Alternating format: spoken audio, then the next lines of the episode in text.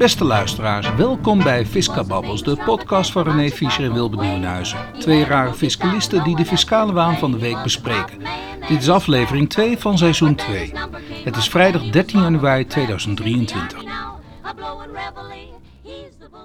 Nee, ja, het werkt nog steeds niet. Nou, ik moet een ticket aanmaken. Nou, Wilbert, joh, je kan me opvegen. dus ik zeg zo tegen die mevrouw. Nou, joh, als je geen hartverzakking krijgt van het normale leven, dan krijg je wel hartverzakking door, door, door, die, door, door zo'n ziekenhuis. Het is toch verschrikkelijk, man. Ja. Echt. Meer dan een uur aan de lijn. Ja. En dan gewoon ook, ja.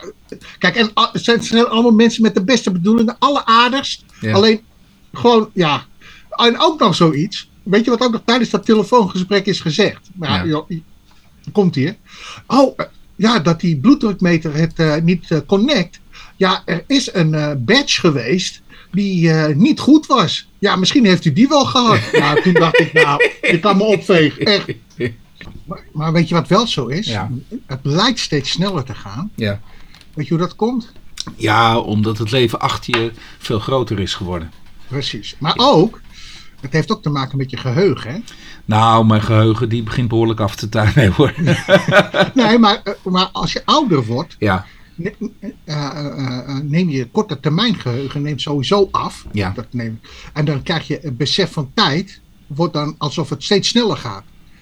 Het besef van tijd wordt, denk je van, hè, hoe kan ja, dat ja. nou? Ja, het, En wat heeft ook met je, met je- vergeet dus heel veel van wat er op de dag heeft eh plaatsgevonden. Nou, dat, ja, maar niet, ja, maar Ja. als je jong bent, dan onthoud je alles wat je hebt gedaan. Ja, Maar omdat je heel vaak werkt ook met automatisme, sla je dat soort dingen niet meer op. Nee. Je bent er niet meer bewust van.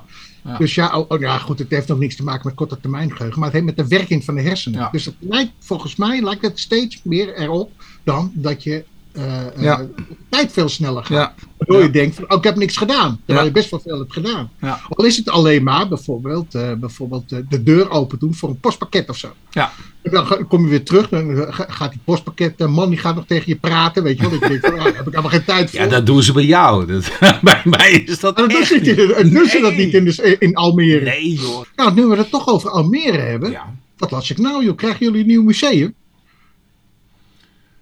Ehm, Of is het politiek gevoelig? Ligt het politiek dat- gevoelig, dat- dat- Wilbert? kan ik, dat kan ik, eh, Daar durf ik me niet over uit te laten. Want, eh, nee, daar ga ik me niet over uitlaten. Nee, dat lijkt me ook. Nee, kijk, ik bedoel, dit is een dossier wat natuurlijk toch nog een paar maandjes gaat duren.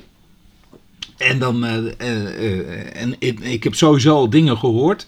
Dus dat, ja, daar kan ik niet over zeggen. Maar je weet op het moment dus dat je wordt ge- gekozen, Ja, komt het op je bureau, hè? ja dat komt zeker op mijn bureau. Maar eh, Nou, of, het, althans, of Ah, eh, bij een van je collega's, maar je zult erover moeten stemmen. A, dan eh, klopt. Eh, A, dan ben ik beter ingelezen. B, dan heb ik ook meer afgestemd met de andere fractieleden natuurlijk hoe wij erin staan. En, en dan is het natuurlijk een heel ander verhaal. Hè, dan- dan- natuurlijk, en dan kun je ook niet helemaal alles vertellen natuurlijk. Maar nu weet ik niet wat allemaal eh, wel, wel en wat niet eh, gedeeld kan worden. ik moet me er even... Want dit ligt natuurlijk ook bij de provincie, hè?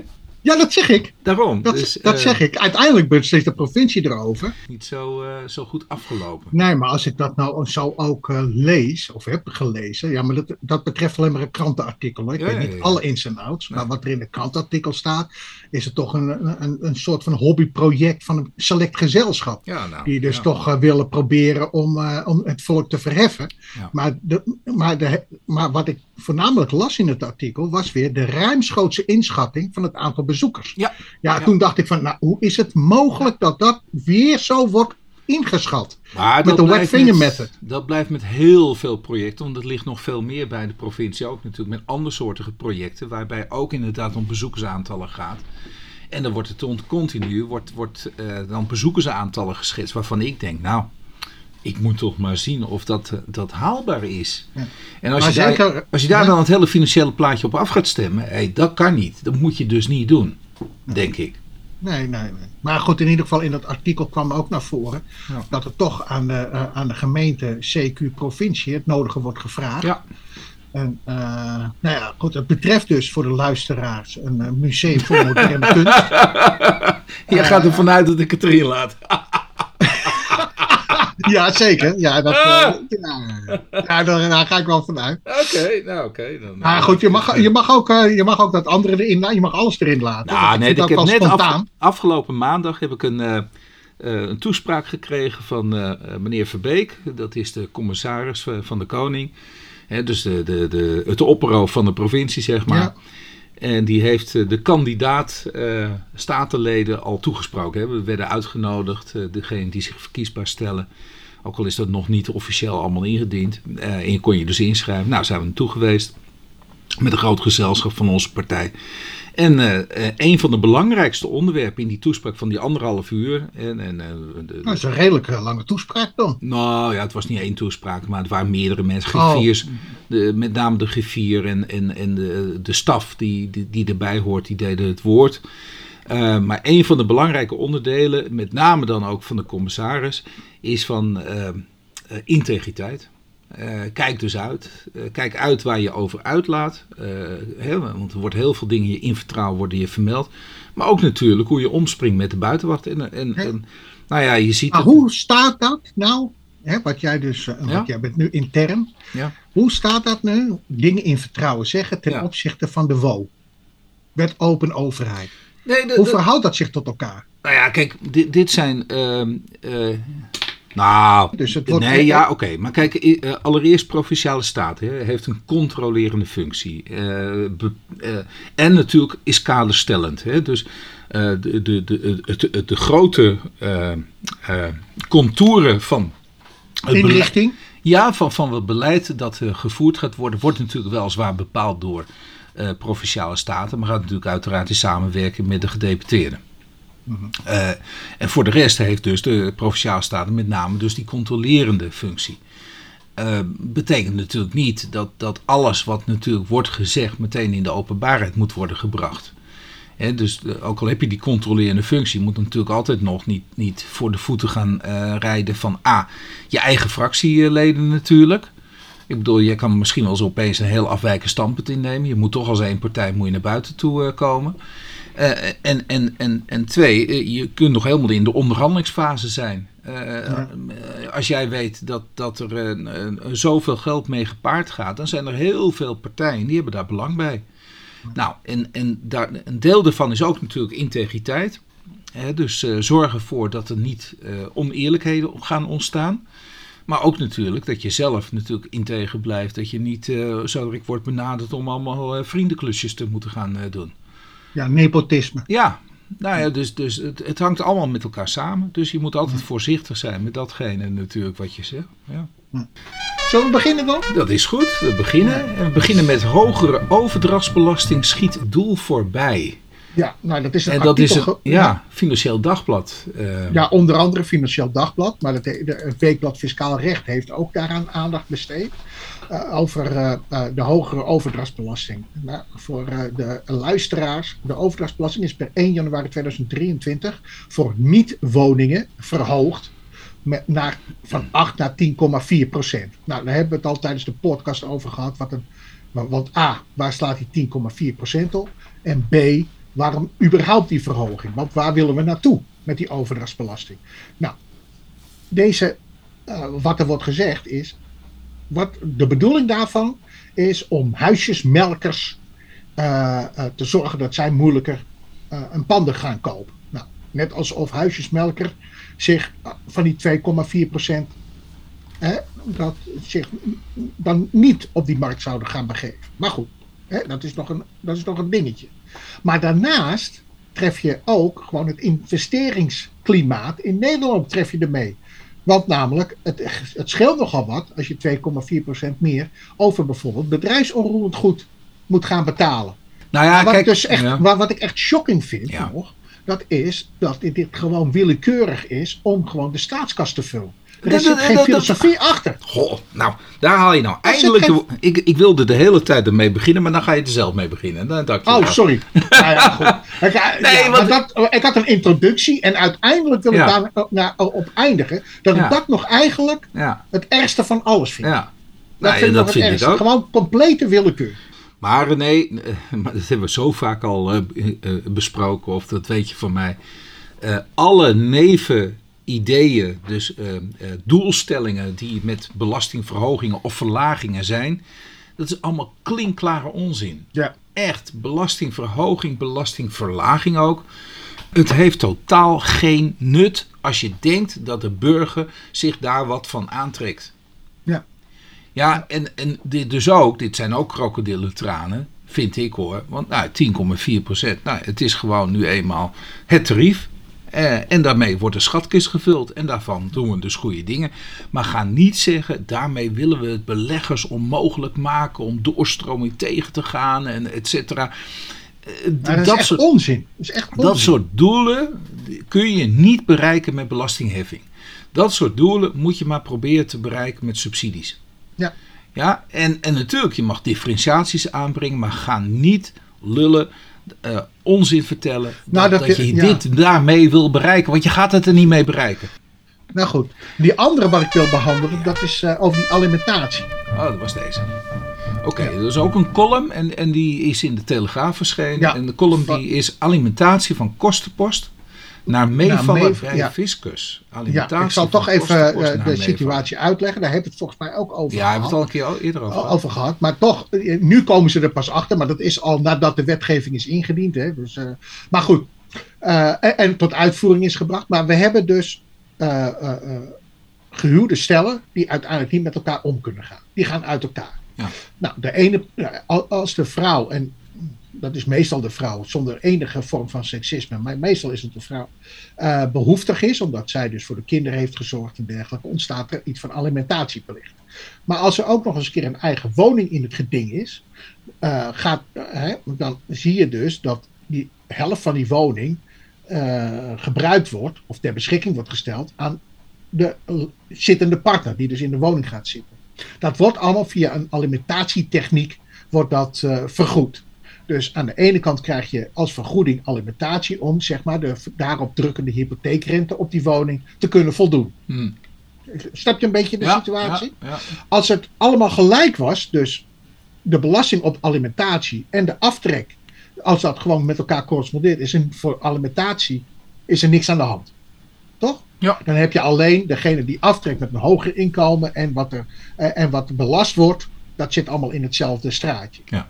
Maar nu, de vrouw die daarin gaat zitten, Mhm. die krijgt A, alimentatie die tegen het progressieve tarief is belast. Mhm. En mogelijk de eh, aftrek tegen een lager tarief is belast. Hm.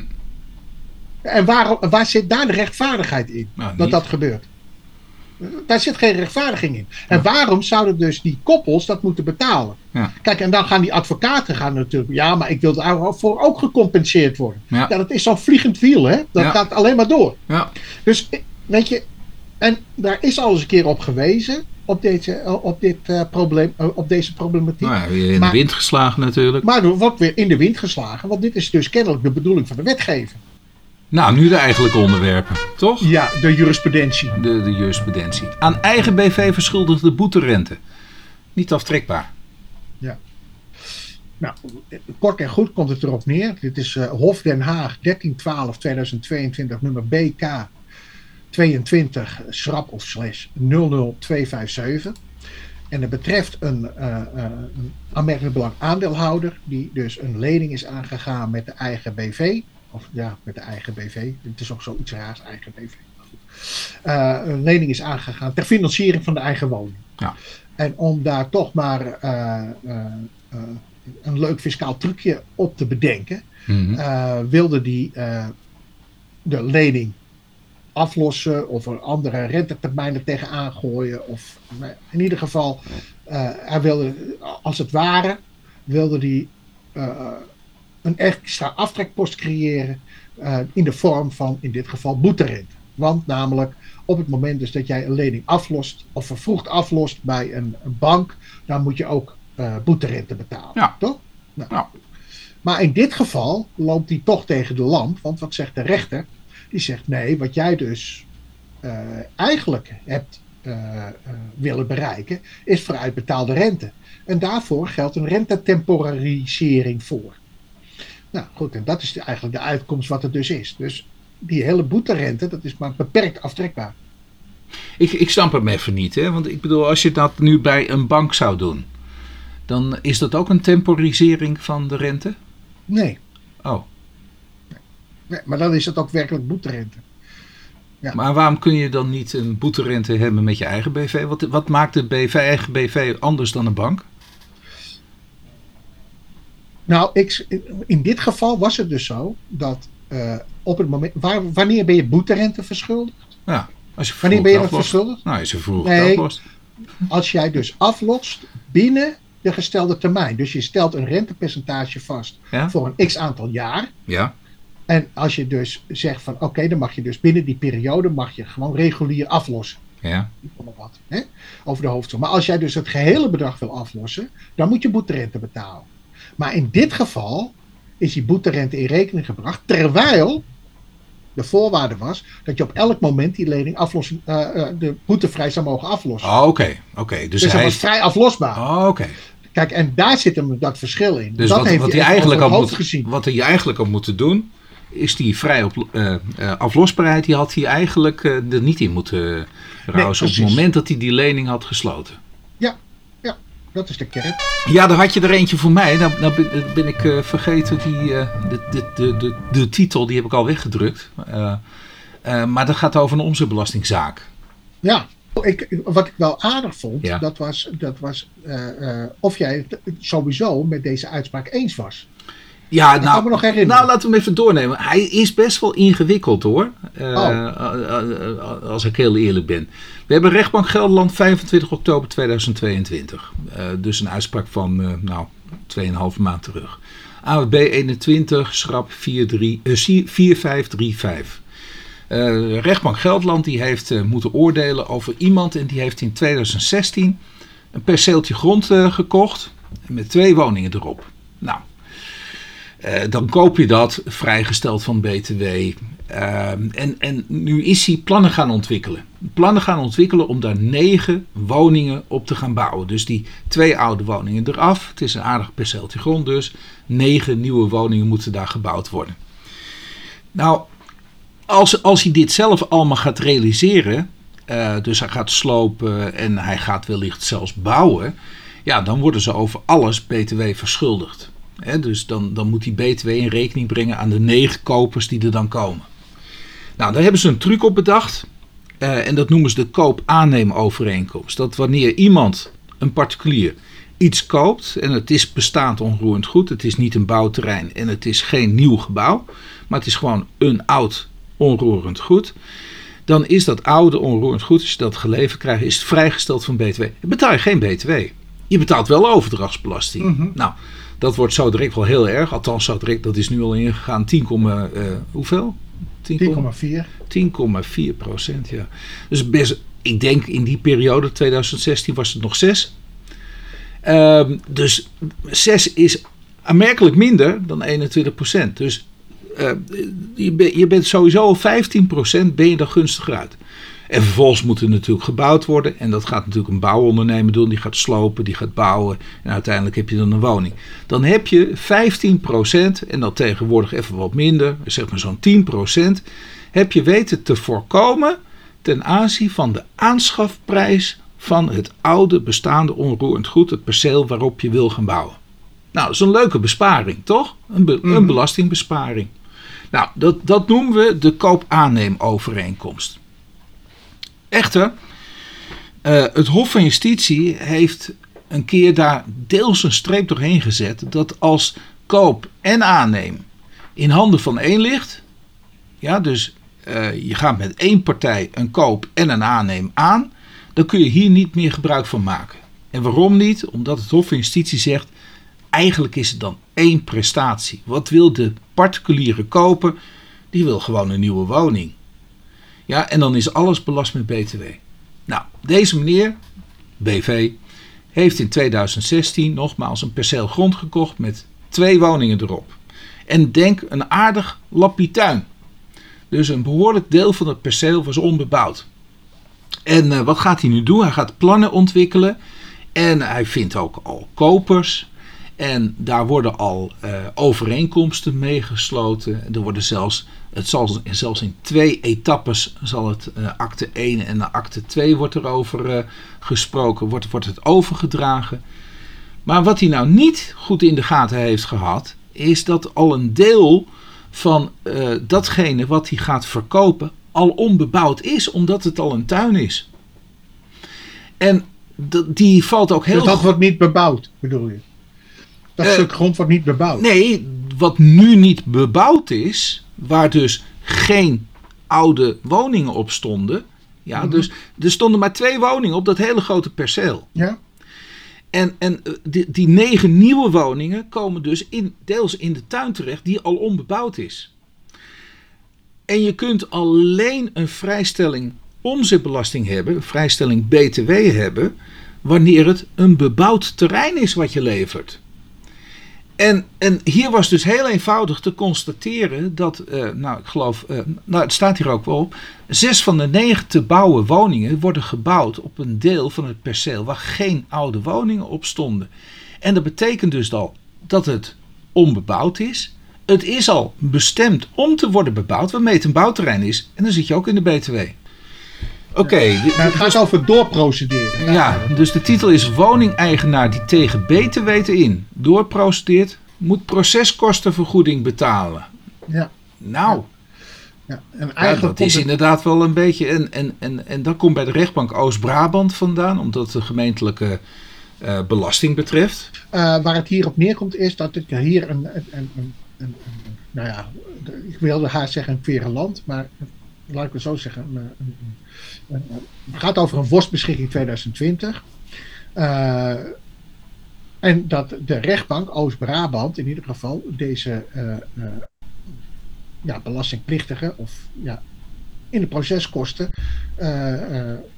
van de heffingsambtenaar de proceskosten moet vergoeden. Ja, En dat vind ik eigenlijk best wel een, ja ik ook. een Principieel vind ik dat niet juist. Ja, Nou, dat wou ik zeggen. Ja. Dus, dus dat is best wel heftig.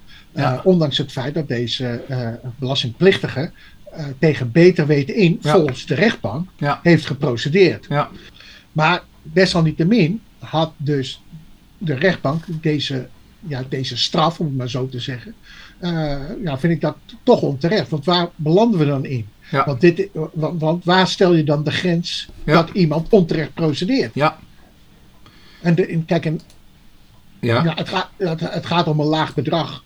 Maar desal, ja, Nou, 148 euro. Ja, Eh, maar goed, maar het gaat gaat voor deze beste. Nee, precies. Het gaat om het principe. Eh, en ik, vind, ik ben er ook eh, tegen. Want namelijk iedereen die behoort vrij te procederen, ook al is het complete onzin. Ja. En ook om te zorgen dat er geen willekeur plaatsvindt. Ja. Want waar leg je de grens? Ja. Wat is tegen beter weten in procederen? Ja. Nou ja, de rechtbank Oost-Brabant die, heeft die meneer eerder gezien en toen is er al gewaarschuwd. Dus de rechtbank die heeft hem in eerdere procedure ook al gewaarschuwd van dat hij de volgende keer tot de proceskostenvergoeding kan Ja. worden. eh, eh, Nou, volgende onderwerp dan maar. ja, ehm, ja, ja wat, wat, wat, wat, wat had jij nou ingestuurd? Eh, Nou, ik, ik had het vermoeden dat jij dat wel leuk zou vinden, want het betreft jouw procedure. Ja, nee, dat klopt. We zijn Ja, de podotherapeut. Kijk, als, kijk, eh, zo Maar hoe, hoe, hoe kwam je hierachter? Want ik bedoel, dit Nou, is... Nou, ik, ik ben ook, dat heeft ooit eens iemand mij Eh, opgegeven. even, even eerst eh, eh, vertellen wat, wat, wat we hier zien. Ik Ja, bedoel, je wat- hebt iets van het wat- wat- Waar hebben we het over? Ja, het is eh, internet. En Ja. het heet medische pedicure vrijstelling BTW. Ja. Nou, daar wordt dus eh, via een of andere blog, wordt er dan blog? vragen, ja, een blog, ja. Oké. worden dan vragen gesteld waarop je dus als adviseur kunt reageren. Eh, eh, en een van die vragen is: Mijn klant is pedicure, ook medisch pedicure en werkt voor podotherapeut. Ja. Mijn vraag is: Weet iemand of ik de vrijstelling al kan gebruiken over het vierde kwartaal 2022? En, eh, en, en Mark Huberts, die, die heeft een heel goed verhaal. Hè? Ja. Want hoe zat het ook wel allemaal in, de, in elkaar? Ja, dus de MBO eh, geschoolde medisch pedicures, die verrichten, die hebben, zijn opgeleid en verrichten dus kwalitatief dermate eh, goede handelingen dat ze vergelijkbaar zijn met de HBO opleiding die podotherapeuten hebben ondergaan voor dezelfde handelingen. Ja. Ja? En dat is het criterium. En dat is natuurlijk niet beperkt tot de diabetische voedzorg, maar gaat dus veel verder. Ja. En daar zijn we nu met het ministerie van Financiën mee in overleg. Ja, En want, want die- even voor de luisteraar Ja? en ook voor degenen die dus aangesloten zijn bij, dat, eh, bij deze blog. Het is een blog overigens van de Belastingdienst. Hè, Oh waarin ja? alle adviseurs eh, eh, Oh, vragen kunnen stellen aan elkaar. Maar ook de Belastingdienst zelfs reageert ook al eens op, op bepaalde vraagstellingen. Ja. Dus eh, ik weet niet meer hoe dat heet. Maar nou ja, goed, ik heb dat op mijn systeem staan en soms blader ik daar doorheen. En toen kwam ik die Podo-zorg tegen. Ik denk, eh, Podo-voedzorg. Po- po- Nou, in ieder geval, toen dacht ik nog aan jouw eh, werkzaamheden ter zake.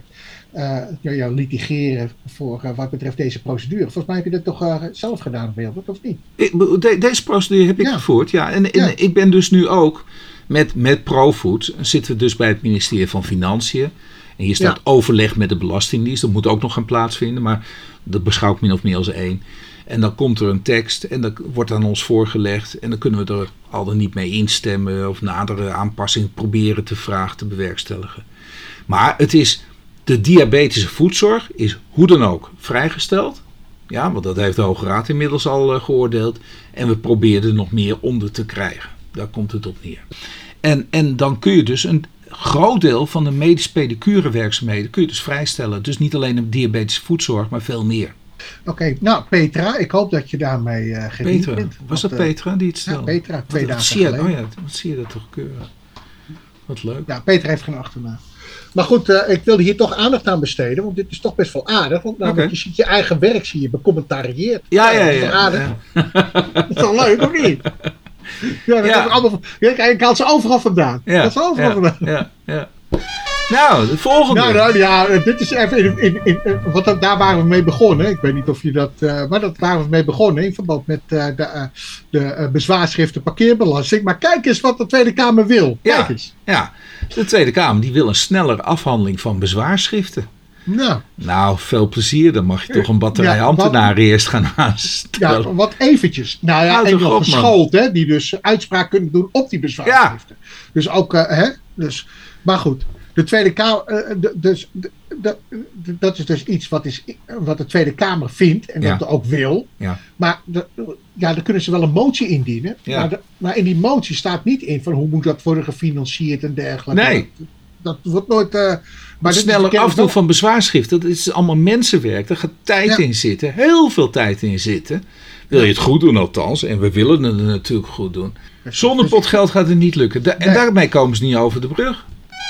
Nou, Nou, hier hebben we het ook al vaker over gehad. jeetje. Bij laag rendement wordt alleen het werkelijke rendement in box Ja. 3 belast. Maar dat is toch niks nieuws? Of, wat- Nee, is- maar we hebben ooit eens hier een discussie over gehad. Ja. Eh, ve- veel discussies over gehad zelfs. Eh, ook over contant geld. En, Ja.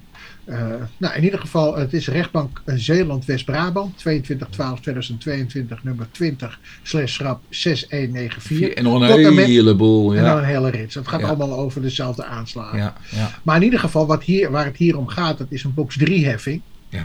En die, die box 3 heffing zeggen ze ook van, joh, ik, ik wil eigenlijk in het vervolg op dat arrest, het kerstarrest, wil ik het werkelijke rendement eh, belasten. Ja, nou, nou heeft deze eh, eh, meneer, die heeft ook gezegd van, eh, even kijken hoor, dat hij een dwangsom wilde hebben en een schadevergoeding. Oh ja. Ja, ja, ja. Eh, wil, wil je daar nog even iets over vertellen? ja, want volgens mij hebben we ook een combinatie. eh, eh, betreft heel veel uitspraken ge- geweest. En eigenlijk is, die, is deze structuur, of deze situatie, is toch wel best wel, nou, best wel ingewikkeld. Want je hebt de man die heeft geprocedeerd, de Ja. vrouw heeft geprocedeerd en de twee kinderen hebben geprocedeerd. Ja, Althans, namens de kinderen, de ouders uiteraard. Ja. En, en het gaat alleen maar om dat aspect van die box 3. Hè? Het Ja. werkelijk rendement en box 3. Want namelijk, er- nou ja, goed. En eh, volgens mij wordt die immateriële schadevergoeding wordt slechts aan één persoon uitgekeerd. In dit geval de vader. En voor de rest niet meer aan de kinderen. Ja. Geen kennelijk ongegrond bezwaar, omdat bezwaarmaker in hoorzitting bezwaar wilde aanvullen. Ja, dat, vind ik eigenlijk, dat vond ik eigenlijk on- opmerkelijk. Hè? Eh, en waarom ik dat opmerkelijk vond, is het volgende. Ja. Als we toch maar even kijken naar de rechtbank Amsterdam, de uitspraak zelf. Die is van 23-9-2022. Eh, rechtbank Amsterdam, nummer 22 slash rap 1248. Eh, wat mij opviel, is dus dat er een bezwaarschrift is ingediend zonder motivering, of kennelijk een goede motivering, Mhm. geen motivering. Vervolgens zegt deze belastingplichtige van joh, ik, eh, ga, eh, eh, ik, ik wil mijn bezwaar motiveren in een hoorzitting. Ja, de ambtenaar zegt in deze van joh, jij hebt helemaal geen, niet gemotiveerd, dus ik wijs het bezwaar af. Vervolgens komt hij in beroep en die zegt, joh, ik had namelijk de, in de hoorzitting had ik mijn bezwaar willen toelichten. Maar, in, maar zover ik weet, dien je een bezwaarschrift gemotiveerd. Met, te voorzien van een motivering. En niet in de hoorzitting. Ja. Maar in dit geval zegt dus de rechtbank: joh, eh, je had dat, die hoorzitting moeten afwachten. En, eh, en eh, tijdens die hoorzitting, als je dat zou willen, had je dat, had je dat proces moeten doen, procedure moeten afwachten. En omdat je dat niet hebt gedaan. Nou ja, kijk, er zit één ding in. Hij heeft blijkelijk een bezwaar ingediend. En heeft toen tijdens die bezwaarprocedure heeft hij meerdere keren aangegeven dat hij wel gehoord wilde worden. Ja, nee. Maar hij heeft het niet gemotiveerd. Nee, klopt. Klopt. Dat is het. Dus je moet een bezwaarschrift moet je voorzien van de motivering. Ja, dat, dat risico loop je. Of ke- kennelijk niet ontvankelijk. Ik- Sorry. niet ontvankelijk. Je ja, krijgt een ja. kennelijk niet ontvankelijkheid krijg je dan eh, te pakken. En dat risico wil je niet lopen. Nee, maar kijk, maar dan heb je die termijn, die eigenlijk ook Ja. is, heb je laten lopen. Dat, Nou ja, want dan, namelijk, dan, je bent dan, in gebreken gesteld. dan loop je het risico dat de rechtbank zegt van nou, u heeft vier weken de tijd en vervolgens heb je weer niet tijd om dat te doen. Ja, en dan, dan heb, Ja, het dan risico dat je verzoek niet... doen. Kan je nog, kan je nog to- toch... Ja, ja, maar, maar dan loopt het risico dat in de tussentijd die rechtbank al een niet-ontvankelijkheid, een kennelijke niet-ontvankelijkheid Ja, heeft uitgesproken. dat kan. Maar in dit geval is er dus sprake van een bezwaarschrift zonder motivering. Klopt. En hij blijft herhaaldelijk vragen om een hoorzitting. Ja, Maar het is niet gemotiveerd. nee, klopt. Maar desalniettemin, de rechter had gewoon moeten stellen: joh, je hebt niet gemotiveerd, dus klaar. ja. Want wat maakt die hoorzitting nou anders? Want die hoorzitting krijgt nu een heel andere lading Ja. dan eh, gewoon het, het indienen van een bezwaarschrift met motivering. Ja. En anders hoef je ook geen. eh, eh, dan zeg je gewoon: joh, ik ga het wel. Ik, oh, ik zal het anders formuleren, Wilde. Ik ga eh, een beroepsschrift schrijven en ik zeg: ik, ah joh, die argumenten, dat doe ik wel ter zitting. Ja. Nou, dat kan niet. Dat kan gewoon niet. Ja. Althans, dat vind ik. Want Ja. dit, dit levert echt een beslag op voor de. Dan moet je dus. Nou ja, weet je, moet je als rechter. Moet je dat. Nou, stel dus dat het geen hout snijdt. Moet je gewoon een uur verspillen aan. eh, Ja, zorgen over kwaliteit rechtspraak. Doorlooptijd belastingzaken veel te lang. Nou, we hadden het net Ja. over de bezwaarschriften. maar dit is die, eh, allemaal e- even voor. eh, eh, voor eh, de, ja, hoe dat deze week heeft plaatsgevonden. Ja. Deze artikelen hebben betrekking op deze week. Hè? Dus we hebben de Tweede Kamer gehad. We hebben eh, eh, eh, hè, met zijn motie. Ja. We hebben nou ja, jurisprudentie gehad. En we hebben dit. Ja. Ja, dat is toch wel grappig, hè? Ja, dus, dus niet alleen bij bezwaarschriften bij de Belastingdienst, maar ook de rechtbank. Nou, die, die, Iedereen heeft tekort. De rechtspraak, die, dat duurt te lang voordat er een uitspraak komt. Ja. En, eh, maar wat wil je daarover opmerken, René? Eh, Nou, dat wilde ik eigenlijk opmerken. Dat dus zeg maar in de eerste week van januari. v- wordt er politiek gezien, worden weer even de ankers eh, geslagen. Of de piketpaaltjes geslagen. Het is Ja. maar net hoe je dat, eh, hoe je dat wil formuleren. Ja. Van, dat de wensen weer even naar voren komen. Hè? Maar dit, dit is niet uit de politiek vandaag gekomen. Dit is de rechtspraak. Nee, ja, dit was het NRC. En het NRC dat heeft eh, gesprekken gevoerd met, eh, met rechters. met rechters. Ja. En die zijn het er al allemaal wel mee eens. Maar die zeggen ook van ja, het zijn gewoon te weinig rechters. Dus Ja. ook er zijn te weinig belastingambtenaren om het toenemende werk te verrichten. Navisaanslag wegens privégebruik auto terecht opgelegd. Ja, en het is eh, niet de BTW privégebruik auto. Nee, dit is de eh, loonbelasting die, eh, waar het over gaat. En dit is dan de rechtbank Den Haag, 20 oktober 2022, nummer AWB 22, eh, schrap 22, nee, 22 schrap 309 of slash. Waar het hier om gaat is dat een belastingplichtige dus niet slaagt in zijn bewijs om de rittenadministratie eh, overtuigend neer te leggen. Want namelijk de bewijslast dat dus een auto niet dat een auto privé wordt gebruikt, ligt bij de belastingplichtige. Maar waar ik hier aandacht aan wil besteden, is dat dus dat de navigsaanslag niet bij de werkgever, inhoudingsplichtige, wordt neergelegd, maar bij de belastingplichtige zelf, inclusief boete en dergelijke. Dus uh, dat was het. Oké, dus een, een, een, waarschuwing van uh, let op wat je doet. Ja. Het is wel ja. leuk, maar uh, het is niet altijd de werkgever die ervoor opdraait. Maar Precies. Precies. jij kunt ook wel eens een keertje die debietenboot opgaan natuurlijk. Inderdaad, inderdaad. Nou, deze heb je er voor mij zeker weer gezet. Ja, zeker. Ik Ah, denk van, je houdt wel van ondeugende... eh, Er zit wel een heel goed plaatje bij. Die, eh, Ja, ja, dat mag nou ja, dat, niet dat, dat, suggereert toch het een en ander. Zeker Ja, dat als je die, suggereert eh, zeker. Ik zie een eh, high heel. Ja, Nou, die is echt wel eh 12 ja, centimeter. en, eh, ja, toch? maar dan wel twee, hè? En Dus wat ernaast ligt is een eh, zwarte stropdas. Die vind ik wat minder gepast. Nou of, ja, of het is is dat van de dame? eh, Damesstropdas. Ik denk, dat het van, nou, ik denk dat het van de, van de heer is. En, is Oh. en, eh, de schoenen van de dame. Maar goed, titel. Eigenares escortbureau schuldigt aan grootschalige Ja. belastingfraude. Ja. Nou, weet je, het is een strafrechtprocedure overigens. Want Ze namelijk... is wel heel zwaar gestraft hoor. Jongen, nou, jongen, ik- jongen. Ja, en, en door een matenaaier. Hè? De ex-man. Man, de, de die heeft ex dus- die, die heeft even een, een USB-stick uh, over. Ja, ja, Ah. ja, uit wraak, hè? Uit wraak. Oh. En vervolgens, joh, eh, nou ja, krijgt ze alles over zich heen. Ah. Ja, dat heeft ze al gekregen natuurlijk, maar nu eh, ook nog in, eh, in figuurlijke zin qua Ja. financiën. Ja. Ja, ja. Maar, Maar in ieder geval, de Hoge Raad die heeft dus geoordeeld dat haar ex-partner, Ja. door middel van het overhandigen van zo'n USB-stick, aan de Belastingdienst geen rechtsgeldig inkeerverzoek heeft gedaan. ja. met betrekking tot de onjuiste en onvolledige belastingaangifte voor haar eenmanszaak. Kijk, ik vond het wel een prachtig anker waarvoor ze ging liggen. Die eh, zei ook van ja, mijn ex-partner heeft eh, al die gegevens ingediend. Dat kan worden opgevat als een eh, verzoek tot inkeer. Nou ja, Dus geen wraak porno, maar een wraak USB met een zwarte, in- eh, zwarte bedrijfsadministratie. ja dus met, de gehele met erop de complete zwarte bedrijfsadministratie van het bureau. Van het escortbureau. Ja. Nou, en, en dan wordt zij veroordeeld tot een, eh, een, gevangenisstraf van 18 maanden, waarvan 6 voorwaardelijk. Ze heeft Ja, dat is 12 heftig, hoor. maanden heeft, ze- heeft ze in het gevangen moeten zitten. Ik vind Ja. het zwaar hoor. Ja, of eh, heeft in de gevangen moeten zitten of moet nog zitten. Want ja, ik weet niet hoe die straf Nou ja, in ieder geval. Het, eh, nou, in ieder geval, zwaar gestraft. ja, En, Ja. en, en, en nou, inderdaad, nou ja, oké, het was een bewezen fraude van 863.000 euro. Ja, dat is een fors bedrag.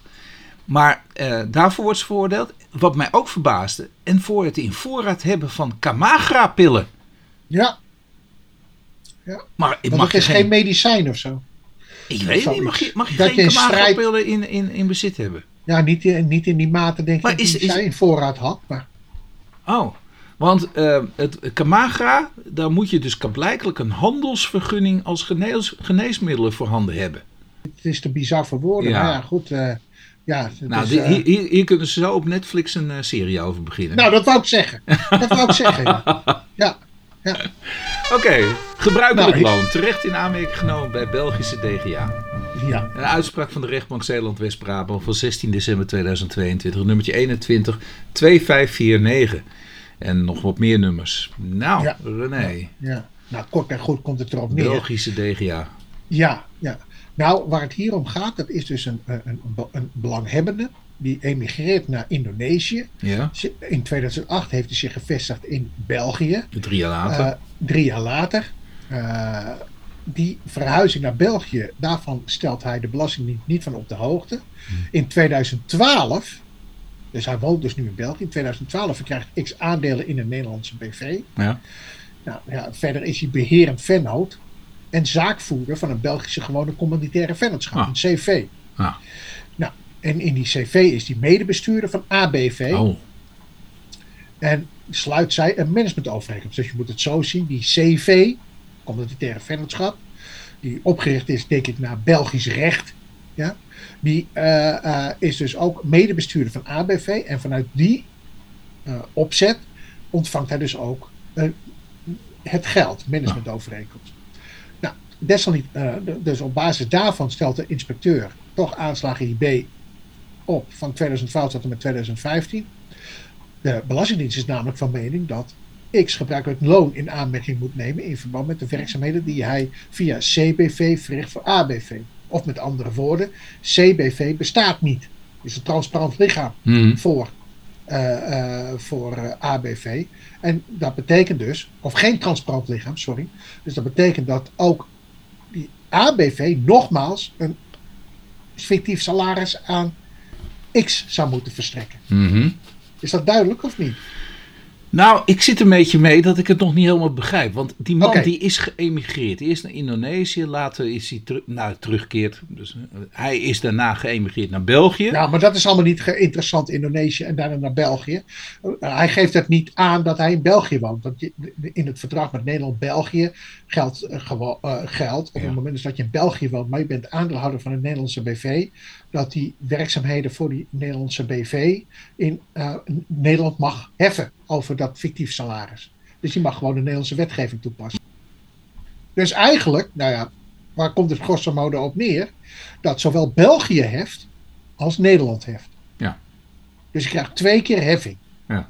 En alleen maar vanwege het feit dat die CV dus niet als transparant wordt beschouwd, of, hè, of wel, maar in België betaalt hij belasting over dat, eh, over dat verhaal. Ja. Inkomstenbelasting, personenbelasting heet dat dan. Ja. En in Nederland willen ze dat ook nog eens krijgen. Dus hij wordt twee keer getroffen, als ik het goed heb begrepen. Mhm. Twee keer. Ja. En eh, nou ja, ik vind het nogal zuur. Dat vind, dat, vind, dat vind ik gewoon. Want je wordt eigenlijk belast over hetzelfde inkomensbestand. Ja. Nou, volgende dan maar. Ja. Ja. Deelname aan massaal bezwaar plus voor niet, ontvang, eh, voor niet ontvankelijk bezwaar.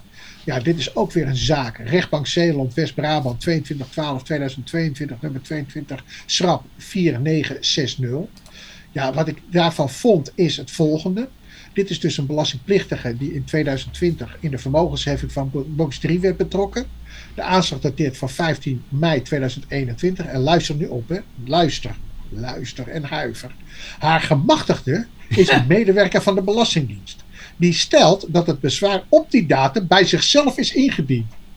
Op 30 december 2021, dus het- we hebben 15 mei 2021 en pas op 30 mei 2000, december 2021 deponeert de gemachtigde het bezwaar alsnog bij de receptie van de Belastingdienst in Breda. De inspecteur moet binnen vier weken een beslissing nemen om al dan niet aan, het te wijzen als bezwaar, massaal bezwaar, plus een beslissing te nemen.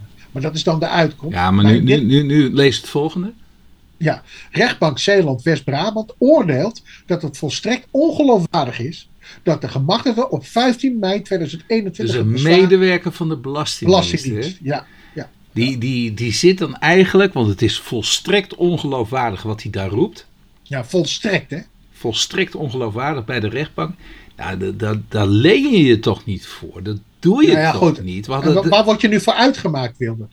Als, Voor- als iemand die werkt bij de Belastingdienst. voor een eh, liegende ambtenaar. Ja, leugenaar dus, ja. Ja. In ieder geval, de uitkomst is, want de, uitkomst is niet zo relevant. Het ging maar meer om dit verhaal. Want, want zeg maar over dat massaal bezwaar hebben we al genoeg eh, over gezegd. Alhoewel je toch wel wat kunt zeggen dat, eh, dat in dit geval er niet tijdig bezwaar is gemaakt. En dat lijkt me ook het meest voor de hand te liggen om die conclusies te trekken.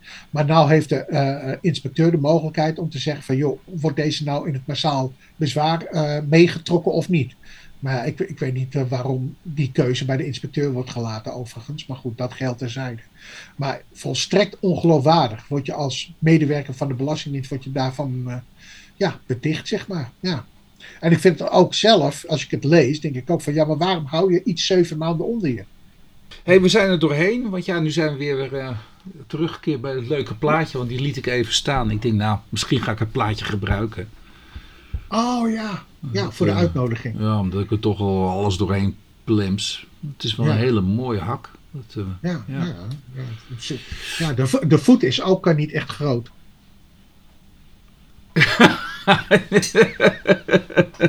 ja, die stropdas vind ik ook heel erg klein. Ja, ja, ja. dat intrigeert ook, hè? Ja.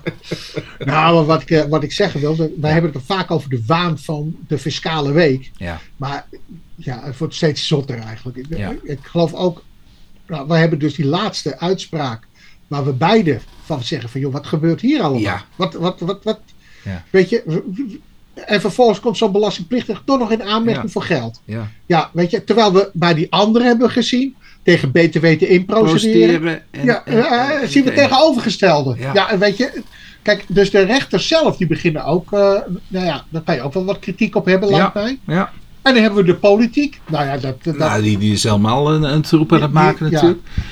nou Wilbert, dat was weer een, eh, een Ja, joh. weekje. Man, ik moet weer behoorlijk eh, knippen. Twee uur en tien minuten staat er nu op te tellen. Ja. Nou, maak het maar af, eh, maak het maar af aan een, naar een uurtje. Nee, het moet Ah, zeker nog minder worden. Ja? Ja. Nou, hey, ik, eh, Ah, maar niet dat verhaal van jou eruit te halen. Hè? van, de, van de VVD. Ik, ik zal het erin laten staan. Oké, vooruit, omdat jij het zegt. hey, ik, ik, ik spreek je volgende man. week weer. Tot volgende week. Oké, doei. Hoi hoi.